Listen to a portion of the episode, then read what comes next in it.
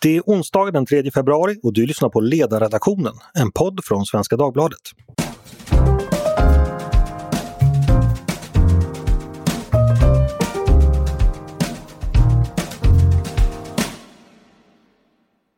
Jag heter Andreas Eriksson. Dagens podd ska handla om arbetskraftsinvandring, det vill säga vilka regler som ska gälla för människor som vill flytta till Sverige för att de vill jobba här. Med mig för att göra det har jag två personer som har lite olika ingångar på den här frågan, nämligen Torbjörn Holle som är ekonom på LO. Välkommen Torbjörn! Tackar så mycket! Och Caspian Rebinder som arbetar på den marknadsliberala tankesmedjan Timbro. Välkommen du också! Tack så mycket! Först lite bakgrund till frågan så att alla har koll på vad det är vi pratar om. Eh, om vi går tillbaka historiskt så var det ju så att under decennierna efter andra världskriget så rådde det en arbetskraftsbrist i många sektorer i Sverige. Vår exportindustri var glödhet men det hade inte fötts tillräckligt många barn som kunde gå ut och jobba i den. Så då behövde man helt enkelt mer folk än vad som fanns i Sverige. Lösningen blev att försöka rekrytera utifrån. Eh, det gjordes på många olika sätt. Exempelvis hade vi ett nordiskt samarbete som innebar att människor från andra nordiska länder, framförallt Finland som det blev, kunde komma hit och arbeta. Men även arbetskraftsinvandring från andra delar av Europa eh, underlättades genom att man tog bort visumkrav, man ordnade en lättare praxis för arbetstillstånd och så vidare. Det gick faktiskt på 1960-talet att bara resa till Sverige på turistvisum på tre månader, söka jobb och fick man ett så fick man, väl, fick man stanna också. Eh, det genomfördes också stora värvningskampanjer utomlands, både av svenska offentliga myndigheter och enskilda företag. Eh, på så sätt kom inte minst många människor från länder som Grekland, Italien, Jugoslavien till Sverige för att jobba på exempel på ASEA i Västerås eller Scania i Södertälje, Volvo i Göteborg och så vidare. Det var helt enkelt så den stora svenska exportindustrin byggdes upp under många år. Men den här migrationsvågen fick ett slut på 1970-talet. Sämre ekonomiska tider och krav från fackföreningsrörelsen innebar att nya regler eh, kom och då också skärpta regler. Under lång tid efter det då var arbetskraftsinvandringen till Sverige lägre, eh, dock inte helt obefintlig. Det har alltid kunnat vara möjligt att komma till Sverige för att arbeta för vissa grupper. Men det krävdes då på den tiden en så kallad arbetsmarknadsprövning innan en tillstånd gavs. Eh, det var helt enkelt så att man skulle testa och kolla om arbetskraften verkligen behövdes eh, på den svenska arbetsmarknaden eller om den redan fanns där. Eh, där fick arbetsmarknadens parter vara med och bestämma och då blev svaret oftast att nej till dem, till att bevilja arbetstillstånd helt enkelt. Sen hoppar vi fram till 1994 då Sverige gick med i EU. Det innebar en liberalisering förstås eftersom människor från andra EU-länder fick komma hit och jobba. Och 2008 genomfördes också en stor reform då alliansregeringen eh, införde nya regler för då arbetsmarknadsprövningen togs bort. Och sen dess har antalet arbetskraftsinvandrare ökat ganska mycket. Ungefär så här ser det ut idag. Det är, av de 90 000 uppehållstillstånd som beviljades förra året så var det 30 000 som gällde arbetsmarknad, alltså ungefär en tredjedel. Det kan jämföras med antalet som fick eh, uppehållstillstånd på grund av asyl som var drygt 10 000. Så arbetsmarknadsinvandring är en ganska betydande del av vår totala invandring idag. Eh, och det ska sägas också att av de här 30 000 eh, uppehållstillstånden som rörde arbetsmarknad så var det ungefär 12 000 som hade anhöriga. Och tittar man på utvecklingen under lite längre period så är det ungefär 300 000 människor som under 2010-talet arbetskraftsinvandrat till Sverige. Eh, och sen, vilka är det då som kommer till Sverige för att jobba? Eh, det är en väldigt blandad skara. Vi ska säga att den enskilt största gruppen under 2020, det gällde folk som eh, jobbade med bärplockning och plantage och liknande. De var ungefär 3500. Det är följt av de som jobbar inom IT-sektorn, 2500. Snabbmatspersonal som var ungefär 1000. Och anledningen till att vi ska prata om den här frågan just idag är för att den är brännande dagsaktuell eftersom igår kom Moderaternas förslag på nya regler för arbetskraftsinvandring. Och där talas det om då, och nu citerar jag därifrån, att fusk och kriminalitet kopplat till arbetskraftsinvandring ska bekämpas och den rekordhöga arbetslösheten åtgärdas. Och det innebär att de har, eh, Moderaterna lagt fem förslag, varav det kanske mest omtalade är att arbetskraftsinvandring bara ska tillåtas för jobb över en viss lön. Eh, och då har man satt det till den svenska medianlönen som är på ungefär 31 000 kronor i månaden. Så, då ska jag övergå till eh, mina gäster som ska hjälpa mig att reda ut det här. Eh, Torbjörn, du twittrade igår läste jag, eh, och nu ska jag citera dig, att nu finns en massiv majoritet i Sveriges riksdag för, för att reglera arbetskraftsinvandringen. Utmärkt! Mm. Då låter ganska nöjd. Berätta, varför, var, varför ska vi reglera arbetskraftsinvandringen och varför var Moderaternas förslag bra? Nej, men så, arbetskraftsinvandring, det regelverket är egentligen det som återstår efter, efter ett, eh, ett 2000-tal med väldigt liberal migrationspolitik generellt. Alltså man har ju stramat åt annan typ av migrationspolitik, men man har stramat åt möjligheten att komma som flykting till Sverige, möjligheten att komma som anhörig till flykting till Sverige. Det som återstod det var ju, eh, det var ju arbetskraftsinvandringen och det är också, det är också en rest av Fredrik Reinfeldt och Miljöpartiets överens, överenskommelser.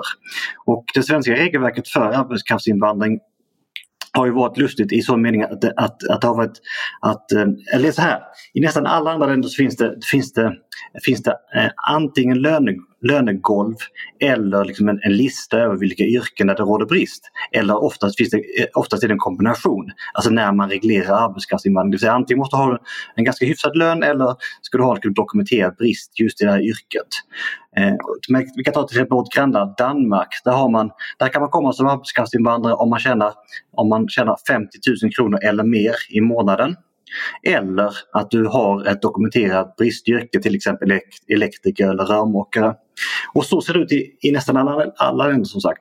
Det, det unika i Sverige är att vi varken haft en lista på bristyrken eller ett, ett lönegolv egentligen. Alltså det lönegolv som har funnits är 13 000 kronor eh, och i praktiken är ju, liksom, är ju inte, fungerar ju inte som ett lönegolv därmed, det är så lågt satt. Så jag tycker det är, väldigt naturligt och jag tycker det är väldigt logiskt för Moderaterna att, att inta den här positionen. Alltså någonstans har det ju varit absurt att va, ha en väldigt strikt syn på flyktingmottagning men i princip tillåta fria spel när det gäller arbetskraftsinvandring. Så att det är väl logiskt att man liksom på något sätt stramar åt både flyktinginvandring och eh, arbetskraftsinvandringen. Får jag fråga dig bara där, det här eh, att man sätter ett golv på just 31 000 kronor, det är ju ändå en eh, eh, relativt hög lön, eller det är en medianlön hur ska det förstås? Alltså är det bara satt en lön för att minska invandringen i största allmänhet eller finns det någon poäng med att sätta det just där? Nej, man kan naturligtvis diskutera eh, alltså, eh, var man sätter gränsen någonstans. Och man, man kan ju sätta gränsen lägre om man, om, man kom, om man gör som i Danmark att man kombinerar det med specifika, att man pekar ut specifika yrken. Eh, eh, för, för då får man liksom då får man till olika vägar in. Eh, men jag uppfattar att, att genom att sätta lönen på den nivån så, eh, så försvinner ju framförallt de här jobben. Du nämnde till köksbiträde, det kommer tusen personer om året till Sverige som köksbiträde. Det är naturligtvis ett yrke som vi kan eh, liksom arrangera med arbetslösa i Sverige. Eller samma sak med städare eller tidningsbud är också exempel på, på den här typen av yrken som kan, som kan tillgodoses av arbetslösa i Sverige. Sen är det viktigt att de här säsongsjobben omfattas ju inte av Moderaternas förslag. Alltså man ska fortsatt, fortsatt kunna komma som säsongsarbetare. Och det är också viktigt att veta att innan man införde de här regelverket, nuvarande regelverk i Sverige så fanns den möjligheten. Så det har alltid, det alltså den, den, alltså den, eh, den ventilen har ju funnits sedan tidigare. Så det är också rimligt att, att det finns fram, framgent tycker jag. Caspian, jag tänkte vända mig till dig. Eh, du verkar lite mindre nöjd när jag läst dig på Twitter. Du, du skrev en lång Twitter-rant som avslutades med att, att människor kommer till Sverige och arbetar inte dåligt för Sverige.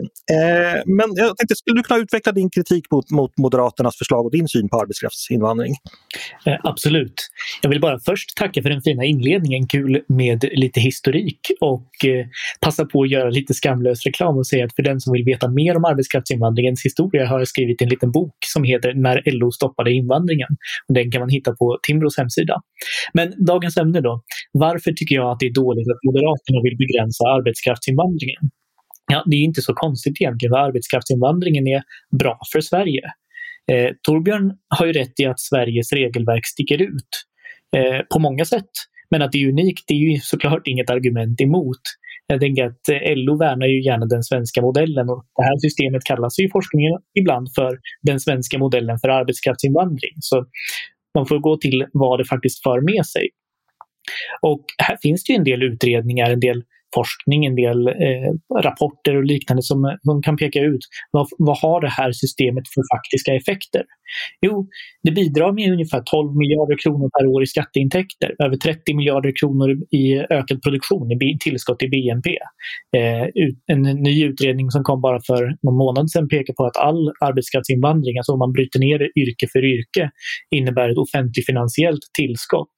Eh, det finns ju ingen, ingen förlust Eh, i att ha människor här som arbetar. Eh, det innebär snabbare växande företag. Det finns väldigt många positiva dynamiska effekter, positiva effekter för arbetsmarknadens funktionssätt. Vilket man ju också ser att eh, av arbetskraftsinvandringen så går över 90 procent, om man räknar bort då säsongsarbete som Torbjörn nämnde, till bristyrken, alltså de yrken som Arbetsförmedlingen bedömer att det är låg konkurrens, eh, konkurrens om jobben, svårt att hitta rätt eh, personal, rätt personer att rekrytera. Så det är inte så heller att arbetskraftsinvandrare tar några jobb som någon annan hade tagit annars, utan det är arbetskraftsinvandringen tar, eh, går till jobb som annars hade stått vakanta. Så. Men inte det här lite kärnan i den kritik som ofta dykt upp mot arbetskraftsinvandringen att när vi ändå har arbetslösa i Sverige och dessutom arbetslösa som kanske skulle ha bäst möjligheter att ta vad vi brukar kalla för lågkvalificerade jobb. Är det inte bättre att, eh, de, eh, att de jobben går till, vidare till svenska arbetslösa än att människor kommer utifrån? Eh, eller vad säger du om den kritiken? Jo, absolut. Och de flesta, de flesta enkla jobb går ju till personer som redan befinner sig i Sverige. Men ibland är det svårt att rekrytera även till enkla jobb. Det är inte så att bara kvalificerade jobb kan vara bristyrken, utan tvärtom. Väldigt många av de yrken som är svårt att rekrytera till enligt Arbetsförmedlingens prognoser och andra eh, är ju eh, enklare jobb, arbetaryrken, yrken med lägre krav på högre utbildning eller liknande. Eh, och då är det ju superviktigt för de företagen som arbetar med de här verksamheterna att det ändå finns möjlighet att rekrytera. För annars finns ju risken att företag som hade kunnat expandera inte kan expandera. Företag som hade kunnat vara livskraftiga kanske går omkull för att man inte kan göra rätt rekrytering. Det är alla de möjligheterna som arbetskraftsinvandringen idag öppnar dörren till och som Moderaternas förslag skulle stänga dörren för. Men om jag vänder mig åt till Torbjörn då. Alltså, eh, Caspian säger eh, BNP-tillväxt, eh, det är bättre för företagen, det bidrar till skatteintäkter. Eh, Håller du inte med om att, att det är så det blir eller vad ser du andra nackdelar som inte Caspian ser? Alltså vad, hur, hur Arbetskraftsinvandring generellt är naturligtvis något väldigt positivt alltså när, det, när, det, när, när det handlar om att tillgodose kunskap eller erfarenheter som inte finns i, i den utsträckning som behövs i Sverige. Det är jättepositivt såklart. Och, men vi, ska, vi måste ändå titta på siffrorna hur det ser ut. Alltså förra året då, då, då gick invandringen ner lite grann på grund av eh, covid-19 men inte så mycket som man skulle kunna tro med tanke på ändå, med de regler som har funnits kring inresor. Så, har, så, precis som du nämnde så har kommit nästan 1000 köksbiträden till Sverige. Det har kommit eh, över 600 städare, eh, över 100 tidningsbud bara för att nämna några yrken. Och, och de, de här yrken är ju inte yrken som, som det råder brist på. Det, det, alltså, detta är yrken som man naturligtvis kan tillsätta med arbetslösa i Sverige. Vi har den högsta arbetslösheten i Sverige nu sedan 1997 eh, och då är det väldigt viktigt att de här, yrken, de här jobben går till arbetslösa i Sverige. Och då ska man ju säga det, ofta handlar det om arbetslösa Eh, Eh, invandrare. Alltså många av som, majoriteten av de som är arbetslösa inskrivna på Arbetsförmedlingen i Sverige är ju personer som har, är utrikesfödda. Många som har kommit de senaste åren. Och jag tycker att det, att det, är, liksom, det, det är väldigt lustigt att vi, att vi tillåter väldigt hög flyktinginvandring men så stänger vi liksom möjligheterna för de här flyktingarna att komma i jobb därför att vi liksom låter de jobben gå istället till personer från, eh, som, som, som befinner sig i andra länder. Eh, och det är klart att, att arbetskraftsinvandring skapar stora värden men, men, men inte när det gäller eh, inte köksbiträden, inte städare, inte tidningsbud. Det, det skapar inga värden att, att låta andra, att folk från, komma från andra sidan jorden och ta jobben istället för att låta dem gå till arbetslöshet i Sverige. Absolut inte. Caspian, du kan svara direkt. Jag tycker till att börja med att det är lite magstarkt att säga att de här jobben inte skapar några värden. Det gör de ju såklart. Det, det, alla jobb behövs, både högkvalificerade och lågkvalificerade jobb behövs ju för att få samhället att fungera eh, som helhet. Sen tycker jag också att det är viktigt... Jag inte det så. Jag sa inte att, att inte de jobben skapar några värden. Jag att, att det skapar inga värden att ta in människor från andra sidan jorden när jobben kan utföras av arbetslösa i Sverige. Då skapas det inga värden. Och det förutsätter att det är lätt att rekrytera någon i Sverige till de här jobben, vilket absolut inte alltid är fallet. Det går bara att prata med vilken arbetsgivare som helst som har rekryterat någon arbetskraftsinvandrare till enkla jobb. Oftast så är det för att rätt kompetens inte finns tillgänglig. Jag tycker också att det är värt att notera här att eh, arbetskraftsinvandringen är inte så stor som eh, siffrorna, som, eh, siffrorna antyds. Eh, Andreas, du pratade om att det är 30 000 arbetstillstånd som beviljades förra året. Eller ett typiskt år. Eh, och det är ju helt riktigt, men de här är ju tidsbegränsade arbetstillstånd. Eh, om man tittar på hur många som får permanent uppehållstillstånd, som alltså stannar eh, per, som är mer än några år för att arbeta i Sverige, så rör det sig om 2-3 tusen personer per år. Det är inte heller där några risker finns för för arbetslöshet eller liknande. Och kollar man av dem, vill, hur, många, eh, hur många får permanent uppehållstillstånd eller alltså permanent uppehållstillstånd av arbetsmarknadsskäl och hamnar sen i yrken med överskott av arbetskraft på arbetsmarknaden, ja då rör det sig om ett hundratal personer om året. Att ha det som någon slags grund för kraftiga skärpningar eller systemskiften av arbetsmarknads, arbetskraftsinvandringspolitiken, det håller inte riktigt måttet. Men nu tycker jag det nästan låter som ni är oense om ett sakförhållande. För, för du Caspian, du säger att 90% av de här uh, arbetskraftsinvandringen gäller bristyrken medan Torbjörn å andra sidan säger att det rör sig ofta uh, om jobb som skulle kunna tillsättas med arbetskraft som redan finns i Sverige det sakförhållandet måste man väl kunna ja, bli överens om? Riksrevisionen pratar om att 40 procent eh, av, av jobben, om man exkluderar eh, säsongsjobben, är till yrken utan brist. Alltså för, att, för, att, för att hävda att 90 procent eh, skulle vara bristyrke så måste man kalla köksbiträde för, för ett bristyrke. Och det är inte ett bristyrke. Alltså, det, det, det, är inte så. Det är inte så att, att det är ett bristyrke att jobba som diskare i, i Sverige. Det är inget bristyrke. Caspian? Eh, till att börja, så det finns två saker att säga här. Dels Riksrevisionens rapport tittar ju på 2015 och 2015 så var matchningen mot eh, arbetsmarknadens behov eh, betydligt sämre. Den har blivit jättemycket bättre och ser man 2016 så ser vi redan där en ökning 17, 18, 19 och, och till och med förra året så är ju en extremt mycket större andel går till yrken med bekräftad brist. Det finns inte Eh, de här 40 procenten eller 60 procenten som Torbjörn pratar om. Eh, sen finns det också en fråga här. Eh, arbetsförmedlingen i sina bristyrkesprognoser har ju bedömt restaurang, restaurangbiträden till exempel som ett bristyrke efter att ha intervjuat som arbetsgivare, efter att ha gjort kvalificerade bedömningar med sina egna handläggare, sina egna metoder.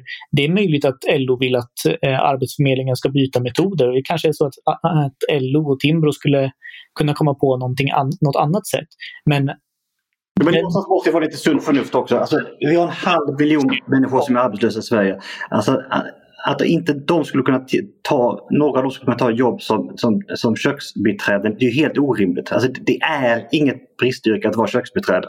Alltså det, det, finns ingen som helst anledning att ta hit människor från andra sidan jorden till jobb som köksbiträde. De jobben måste ju gå till arbetslösa i Sverige. Jag är den första och, och, och jag är jättepositiv till arbetskraftsinvandring av, av när, när, det är, men det kan vara en specialkock, det kan vara, liksom, det kan vara, en, det kan vara en ingenjör, men inte till köksbiträden, inte till städare, inte till tidningsbud. Det är typiska ingångsjobb som ungdomar, som nyanlända behöver för att komma in på svensk arbetsmarknad. Jag tror vi får gå vidare där. Eh, jag inser att ni, ni verkar inte helt överens om sakförhållanden. Jag, jag får helt enkelt försöka reda, reda, ut det här genom att googla så får jag återkomma till er med, med facit så småningom. Eh, jag tänkte vi ska prata om det vi verkligen är intresserade av, naturligtvis det politiska spelet mellan riksdagspartierna. Det är ju det som alla verkar intresserade av nu för tiden. Då undrar jag så här, eh, blev ni förvånade över att Moderaterna la ett sånt här förslag och eh, hur ska det förstås eh, i, när man tänker på hur de olika politiska konstellationerna har förändrats. Vad säger du Caspian? Ja, jag är förvånad över att Moderaterna lägger ett sånt här förslag. Eh, det, det, har ändå varit eh, länge så att Moderaterna har blivit kraftigt restriktiva i, i asylpolitiken och det är en rimlig, eh, så det är en omsvängning som går att eh, motivera väldigt väl ur ett konservativt eller liberalt konservativt perspektiv. Men de har också samtidigt eh, hållit fast vid näringslivsvänliga eh, perspektiv och marknadsliberala förslag. Och det verkar som att ganska många faktiskt är förvånade och eh, kanske besvikna över det här förslaget. Jag såg att Moderata ungdomsförbundet skrev att förslaget låter mer, mer som den falska retoriken LO och Socialdemokraterna brukar hänföra. Borås Tidning kallar det ett besynnerligt utspel. Svenskan säger att eh, det här riskerar att människor är kvar i bidrag, bidragsfinansierat utanförskap. Kommunalråd i Växjö och liknande säger att det här är märkliga regleringar som kommer skada mer än eh, en, eh, förbättra någonting. Så jag tycker att det är ett lite konstigt eh, förslag ur Moderaternas eh, värdegrund ur deras utifrån deras historia. Och sättet jag kan förstå det på är väl egentligen bara väljarstrategiskt. Moderaterna är mer rädda för att Lena Rådström Båstad och Morgan Johansson ska kalla dem ett invandringsparti än de är för att sabba tiotals miljarder i den svenska ekonomin, sparka ut tiotusentals hederligt arbetande invandrare och slå omkull mängder av företag. Det är bara svårt att förstå det här förslaget vi ska säga då att eh, jag, jag, hade hört, jag hörde Moderaterna ifall de eh, ville skicka hit sin eh, talesperson i frågan, Maria Malmer Stenegård. Hon kunde tyvärr inte idag och det gick tydligen inte att få fram en ersättare. Det är därför vi inte har någon från Moderaterna här. Men det blir mycket mer intressant att prata om, om dem när de inte är här. Eh, Torbjörn, ni i LO-borgen, eh, var ni förvånade eller glatt överraskade av Moderaterna eller var det här någonting ni hade sett i korten redan? Nej, jag uppfattar det som att Moderaterna har tagit flera steg i den här riktningen. Eh, och, eh, och, eh, och man har lyft upp de här problemen som finns kring arbetskraftsinvandring. Och, jag tror att en, en sak som jag tror har gjort att många uppmärksammat liksom, bristerna är ju det här med assistensfusket som polisen har uppmärksammat också. Det vill säga det är ju väldigt utstuderat och väldigt eh, obehagligt. Det handlar om att man, liksom, att man tar hit personer med eh, funktionsnedsättningar för att i sin tur ta hit eh, assistent till de här personerna. Det är ju något som eh, polisen har, har lyft upp i, under ett antal år. Eh, så att i Moderaternas förslag så ingår det också att man ska specifikt förbjuda helt och hållet eh, eh arbetskraftsinvandring till, till personlig assistent. Och det är, jag uppfattar att, att Moderaterna, nu ska jag inte göra, göra talesman för, för, för Moderaterna, men jag uppfattar att, att det handlar just om den här typen av yrken Alltså personliga assistenter och eh, städare, köksbiträden, de här yrkena som kan tillsättas i Sverige där arbetskraftsinvandringen från andra länder är, är starkt ihopkopplad med kriminalitet och lönedumpning och, och stora problem. Eh, så här, alltså, på något sätt måste man reda ut detta. Alltså, så som det ser ut idag eh, fungerar ju inte. Alltså, men det, vi har, det, det, är uppenbart att det måste, måste regleras på något sätt. Och som sagt, man kan reglera på två sätt. Antingen så inför man en lång lista på yrken eh, där, som, man, eh, som är, där det råder brist eller så, eller så jobbar man via ett lönegolv eller så kombinerar man. Jag tycker, så att, jag, jag, tycker det är väldigt rationellt att Moderaterna, och Moderaterna har väl landat i ett, ett förslag då som inte är alltför LO-vänligt. Eh, alltså Moderaterna gjorde väl en, en, en grej när de presenterade av att detta är inte det LO efterfrågar. För LO efterfrågar väl egentligen, eller Alltså, eh, min, min organisations eh, eh, position är att, att det bästa hade varit liksom, en mer, liksom, att man helt enkelt pekar ut vilka yrken det råder brist på istället för att gå via lönegolvet. Eh, men men att det, att det finns ett de facto problem som måste lösas. Det tycker jag är uppenbart. Jag, är glad att Moderaterna försöker lösa det. Jag noterar att Kristdemokraterna försöker också lösa det. De har också lagt förslag på det här området. Vänsterpartiet försöker också lösa det. Så att eh, det finns ju de facto en, en kraftig majoritet i Sveriges riksdag. Sen, sen återstår det att se om Socialdemokraterna är så pass bundna av det här januariavtalet så att de, så att de inte går, de kan röra sig. Men eh, de flesta partierna står nu bakom en, en reglering av det här området. Det, det tycker jag är bra. Jag tror det är bra för Sverige. Jag tror det är bra för svenska löntagare. Vi, ska snart återkomma till just det här med eh, januariavtalet. Men jag tänkte fråga dig Caspian, eh, det här med eh, kriminalitet, fusk, missbruk och utnyttjande dyker ju upp ganska ofta i diskussionen om arbetskraftsinvandringen. vad är din position där? Vad tänker du om det? Hur stort problem är det? Och jag antar att du har en idé att man borde kunna komma åt det på ett annat sätt. Ja, vad säger du om det helt enkelt? Ja, men du, du har ju helt rätt i att man kan komma åt det på ett annat sätt. Men ja, det är klart, det är absolut ett problem och det finns eh, massor med medie, medieinslag och eh, flera påvisade exempel på stora problem och ganska grova fusk. Och här tror jag att jag och Torbjörn är i stora drag i alla fall överens om vad problemet består i. Eh, möjligen kan man diskutera exakt omfattning, men att det är ett problem, det är, står utan tvekan. Och här har ju också bland annat Moderaterna lagt förslag för att komma åt fusk som jag tycker är väldigt bra. Eh, så det, det, finns ju en vilja att eh, hantera det här både från Moderaternas håll, från regeringens håll, från januariavtalets partier och så vidare. Men Eh, Torbjörn säger sen att man kan reglera det här på två sätt, antingen genom en lista över yrken eller genom ett lönegolv. Eh, och det är ju en väldigt inkomplett lista. Om man gör en liten eh, historisk tillbakablick här. När reformen infördes 2009 Eh, 2008 i december så, eh, så uppkom det ganska snabbt en del problem med fusk och, en del, och missbruk eh, som bland annat LO lyfte fram, som bland annat hotell och restaurangfacket lyfte fram, men också OECD och Migrationsverket själva. Och det här lyckades man ju lösa genom Eh, förordningsförändringar, genom uppdrag till Migrationsverket, genom aktivt arbete från regeringens myndigheternas sida och också branschpartsgemensamt eh, mellan fack och arbetsgivare för att komma åt fusket. Eh, och det funkade väldigt bra. Det här konstaterade även LO i sin rapport Fusk och utnyttjande 2013 att åtgärderna gav resultat och missbruket minskade kraftigt. Så det finns ju verkligen utrymme att göra mycket för att motverka fusk utan att behöva riva upp ett helt system med rötterna så som man gör om man sätter ett inkomstkrav på medianlönen eller andra riktigt drastiska eh, åtgärder. Vad säger du Torbjörn, river vi upp hela rabatten i onödan eh, med de här åtgärderna? Alltså jag tycker det är uppenbart att det finns så pass stora problem så att man behöver göra om systemet på ett, på ett kraftfullt sätt. Och, och än en gång, alltså, jag låter lite grann som en, eh, som eh, jag upprepar mig igen, men alltså, det är liksom de två metoderna som man använder i andra länder. Alltså antingen eller och.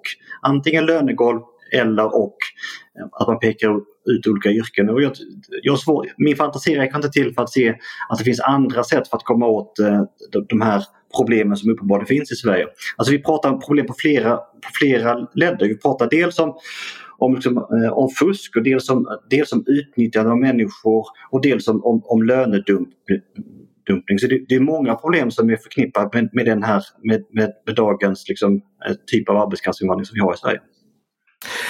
Eh, jag tänkte, det, förslaget från Moderaterna innehöll ju inte bara det här med ett visst eh, lönekrav. Det fanns ju också fyra andra förslag. Ett av dem var att man skulle införa ett försörjningskrav för anhöriga till arbetskraftsinvandrare. Eh, vad har ni för tankar om det? Är det någonting som skulle kunna påverka situationen åt ändra hållet? Ja men det har varit, alltså, nu kan man ju hävda att, att många som kommer som, som anhöriga till arbetskraftsinvandrarna eh, eh, klarar av att försörja sig själv. Eh, så, man kan naturligtvis diskutera hur omfattande är problemet men det framstår ju som väldigt märkligt att vi ställer till exempel en flykting som kommer till Sverige som vill ta hit sina, eh, sina, sina anhöriga. Där ställer vi krav på försörjning. Men, men de som kommer som köksbiträden till Sverige, där ställer vi inte krav på att, att den personen ska kunna försörja sina anhöriga. Och det, det tycker jag framstår som väldigt uh, obalanserat. Caspian, har du några tankar? Jag håller helt med om med vad Torbjörn säger här. att Det är väl helt rimligt med ett försörjningskrav här. Eh, det är inte för att det är ett jätteproblem. Det, det finns ju också statistik över detta som visar att nästan inga arbetskraftsinvandrare överhuvudtaget eh, tar emot bidrag utöver sådana som man inte kan välja bort, typ barnbidrag om man har anhöriga barn. Eh, men även om det inte är ett jätteproblem så är det klart att det ska vara samma krav på arbetskraftsinvandrare som till exempel eh, asylinvandrare. Annars vore det lite konstigt. Så jag är helt enig med Torbjörn i den här frågan. Och Där är ni eniga. Alltså. Vad, hur eniga är Socialdemokraterna och Moderaterna nu i frågan, skulle ni säga, eh, när det gäller arbetskraftsinvandring? Är det så att man skulle kunna, om man bortser då från att man är uppbunden på samarbeten på annat håll, är man överens? Vad säger du Torbjörn? Skulle det gå att göra en överenskommelse här? Ja, i, i, alltså i, i praktiken ja, men det, jag tror inte det kommer att ske. Men, men, men jag är tillbaka till det att alltså, alltså man, både Socialdemokraterna och Moderaterna vill nu liksom reglera arbetskraftsinvandring på det sättet som och använda de, använda de metoderna som man använder i andra länder. Och jag, jag föreställer mig att Socialdemokraterna kanske är mer inne på att peka ut yrken och, och Moderaterna är uppenbarligen mer inne på det här med lönegolvet. Men, men det där, de där två de där två vägarna går ju att kombinera och kombineras i de flesta länderna. Så det är inte svårt att se en, en kombination av de här två eh, modellerna. Men, men däremot så, så, så verkar inte samtalsklimatet vara av den, av den art att, eh, att, att det kanske är görligt. Men gott samtalsklimat det har vi här. Vad säger du Caspian? Jag, jag tycker att det, det är lite klurigt det här för utifrån förslagen som Moderaterna har lagt så borde det absolut finnas utrymme för dem att göra upp med Socialdemokraterna. Om man däremot kollar på, Moderaterna, på eh, deras historik eller partiprogram eller idéprogrammen som publicerades i höstas eh, så verkar det betydligt svårare att få ihop de här, eh, de här hållningarna. Eh, det kanske visar någonting om att ideologi och idéprogram väger ganska lätt för eh, Moderaterna eller kanske för partier eh, överhuvudtaget i det politiska spelet. Eh, men det innebär ju ändå en rejäl omsvängning för Moderaterna om de eh, nu är hyggligt överens med Socialdemokraterna om inriktning. För det, det jag också funderar på, hur överens är man egentligen? För en punkt som också finns med i det här förslaget det är ju att man ska genomföra en bidragsreform. Och det var ju någonting som vi också har lyft på, på Svenska Dagbladets ledarsida i, i en text att frågan är hur överens man skulle kunna bli om en sån. Eh, för om Moderaterna hyser tankar att ersättningsnivåer i socialförsäkringarna eller andra typer av, eller om bidrag, att det ska förändras så mycket. Det är väl kanske inte så troligt att Socialdemokraterna vill gå in i ett sånt samarbete, eller vad tror ni? Nej. Nej. Torbjörn? Nej, det, det, det beror lite grann på vilka delar av, av försäkringssystemet som man är inne på att titta över. Alltså, eh, jag uppfattar att Moderata, väldigt, alltså de, för Moderaterna har de här räkneexemplen att de har, om man kommer, som, eh, eh, man kommer till Sverige och, och, eh, och, så har man många barn, då kan, då kan man addera upp till en väldigt hög eh, summa eh, i bidrag. Det är framförallt den, den vägen som man kommer upp i de här, liksom, det är framförallt den här gruppen som, som Moderaterna eh, riktar in sig mot som jag förstår det. Um, och det är klart att, alltså, och så, ja, Alltså jag tror att det, finns väl, de flesta partierna tycker det är viktigt att, att man värnar marginaleffekter eh, och man måste naturligtvis vara öppen för att se över eh, alltså hur man balanserar på bästa möjliga sätt. Men, men jag måste, sen, sen finns det en annan, eh, en annan sida av det hela. Alltså, I och med att det handlar om, om flerbarnsfamiljer så handlar det om barn också. Så det handlar inte bara om vuxnas eh, incitament att arbeta, det handlar också om möjligheten att, att ge de här barnen eh, goda livsvillkor. Så, så, det är ju en, jag tycker det, det, det, det är ingen lätt fråga eh, att, hur man ska balansera det på bästa möjliga sätt. Eh, Caspian, vill du fylla i någonting där? Jag, jag håller med om att det, här, det, är, det är inte helt enkelt att se hur det här ska gå ihop eh, på, på bästa möjliga sätt, vare sig i sakpolitik eller hur de ska eh, samarbeta om det här. Just nu är ju Socialdemokraterna uppbundna av januariavtalet, så under den här mandatperioden så finns det väl inga förutsättningar för någon arbetskraftsinvandringsreform av det slag som Moderaterna har föreslagit. Eh, däremot får man ju se under nästa mandatperiod eller senare Kommer det vara så att Moderaterna villkorar en arbetskraftsinvandringsreform på bidragsreformer, kanske på sänkt a-kassa eller på liknande? Nu vet jag att de inte eh, vill villkora på sänkt a-kassa, men jag bara hoppas det. Eh, då då eh, kommer det blockera troligen en, eh, någon form av överenskommelse med Socialdemokraterna. Är det däremot så att de kan tänka sig att bryta isär det och göra arbetskraftsinvandringen för sig och eh, bidragsreformen för sig, ja då kommer man ju ganska lätt få igenom någon form av arbetskraftsinvandringsstopp tillsammans med Socialdemokraterna och Sverigedemokraterna och även KD och V som eh, också är skeptiska till arbetskraftsinvandringen. Medan bidragsreform kommer vara betydligt svårare att få igenom. Torbjörn, du, ifall du ska försöka ge en liten prognos om frågans framtid, vad, vad kan vi förvänta oss om vi tittar på nästa mandatperiod? Eh, jag tror att, eh, nej men jag tror nog att, att, man kommer, att man kommer införa någon form av förhöjt eh, lönegolv. Jag tror det är egentligen det, är liksom det, det, det som Eh, minsta gemensamma nämnare för de här partierna som ändå vill reglera arbetskraftsinvandringen. Så det, det, tror jag att jag tror vi kommer se det. Sen, sen kanske det inte landar på drygt 30 000 kronor, kanske landar på en annan nivå. Men eh, jag, jag, tror vi kommer, vi kommer landa där. Men, men, eh, men sannolikt, sannolikt, inte så länge som eh, Socialdemokraterna är så pass bundna till Centerpartiet. Men, men allt, allt har sin tid. Allt har sin tid, eh, precis som den här podden. Eh, ni ska ha stort tack för att ni kom och var med och pratade. Det var jättetrevligt att ha er här. Tack så mycket Torbjörn! Tack så jättemycket! Och tack så mycket du också Caspian! Tackar! Du har lyssnat på Ledarredaktionen, en podd från Svenska Dagbladet. Eh, ni som har lyssnat, ni är varmt välkomna att höra av er till redaktionen med tankar och synpunkter på det vi har diskuterat här idag. Jag kan vidarebefordra dem till Torbjörn och Caspian om det skulle vara så. Eller om det är så att ni har idéer och förslag på saker vi borde ta upp i framtida avsnitt. Det är bara att mejla till ledarsidan eh, svd.se. Tack för idag! Jag heter Andreas Eriksson. Jag hoppas att vi hörs igen snart.